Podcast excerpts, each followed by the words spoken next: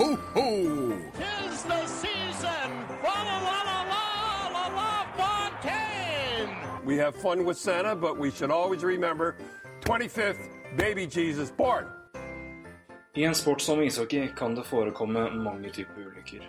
Og NHL har hatt mange dramatiske og skremmende hendelser gjennom historien. Men det er ikke mange som topper det som skjedde 22.3.1989. Det var dagen Clint Malarchuk egentlig skulle ha dødd. Malarchuk var backupkeeper for Buffalo Sabres og startet kampen da Sabres spilte borte mot St. Louis Blues våren 89. I første periode ble det spilt en pasning inn foran Buffalos mål, og Blues-spiller Steve Tuttle og Sabres-forsvarer Huey Croup kom begge i stor fart mot mål og kolliderte med Malarchuk. I kollisjonen traff Tuttle Malarchuk i halsen med skøyta. Oh, wow! That's the story right now with red. Oh, look at oh boy. Take the oh, man. That is the oh God. Oh, please take the camera off, but don't even bring it over there, please. Oh my God. Keeperen tok seg til halsen med en gang. Det neste sekundet fossa blodet ut på isen.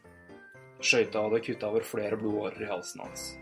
Det hele var så grafisk at flere tilskuere besvimte på tribunen, og to fikk hjerteinfarkt. Oh my God, what happened?